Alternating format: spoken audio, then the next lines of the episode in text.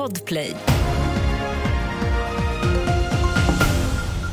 Vi börjar med det senaste om kriget mellan Israel och Hamas. Det senaste dygnet har Israel även attackerat flera mål inne i Syrien och Libanon och risken för ett regionalt storkrig är överhängande. Utrikeskommentator Lisa Grenfors. Många har ju varnat för det här ända sedan kriget började och från Hizbollahs sida så har man ju sagt att markinvasion är en signal för att eh, slå till eh, mot eh, Israel.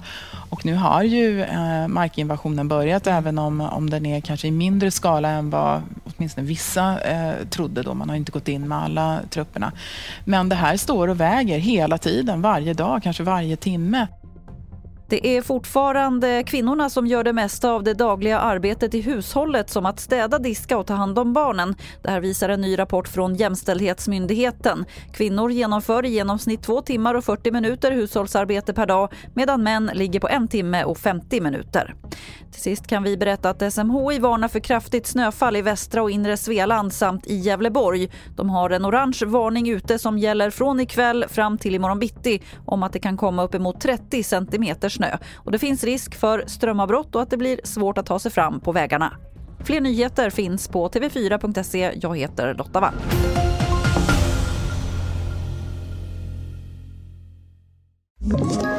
Ett poddtips från Podplay. I fallen jag aldrig glömmer djupdyker Hasse Aro i arbetet bakom några av Sveriges mest uppseendeväckande brottsutredningar går vi in med hemlig telefonavlyssning och, och då upplever vi att vi får en total förändring av hans beteende. Vad är det som händer nu? Vem är det som läcker? Och så säger han att jag är kriminell, jag har varit kriminell i hela mitt liv men att mörda ett barn, där går min gräns. Nya säsongen av Fallen jag aldrig glömmer på Podplay.